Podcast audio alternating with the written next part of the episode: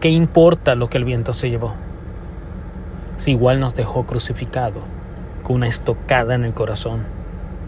¿Qué importa lo que el viento se llevó? Si el pacto que se hizo de nada sirvió y el objetivo no se alcanzó. ¿Qué importa lo que el viento se llevó si ya te cansaste del dolor y si te acelera la sangre para avivar otra vez ese espíritu indomable?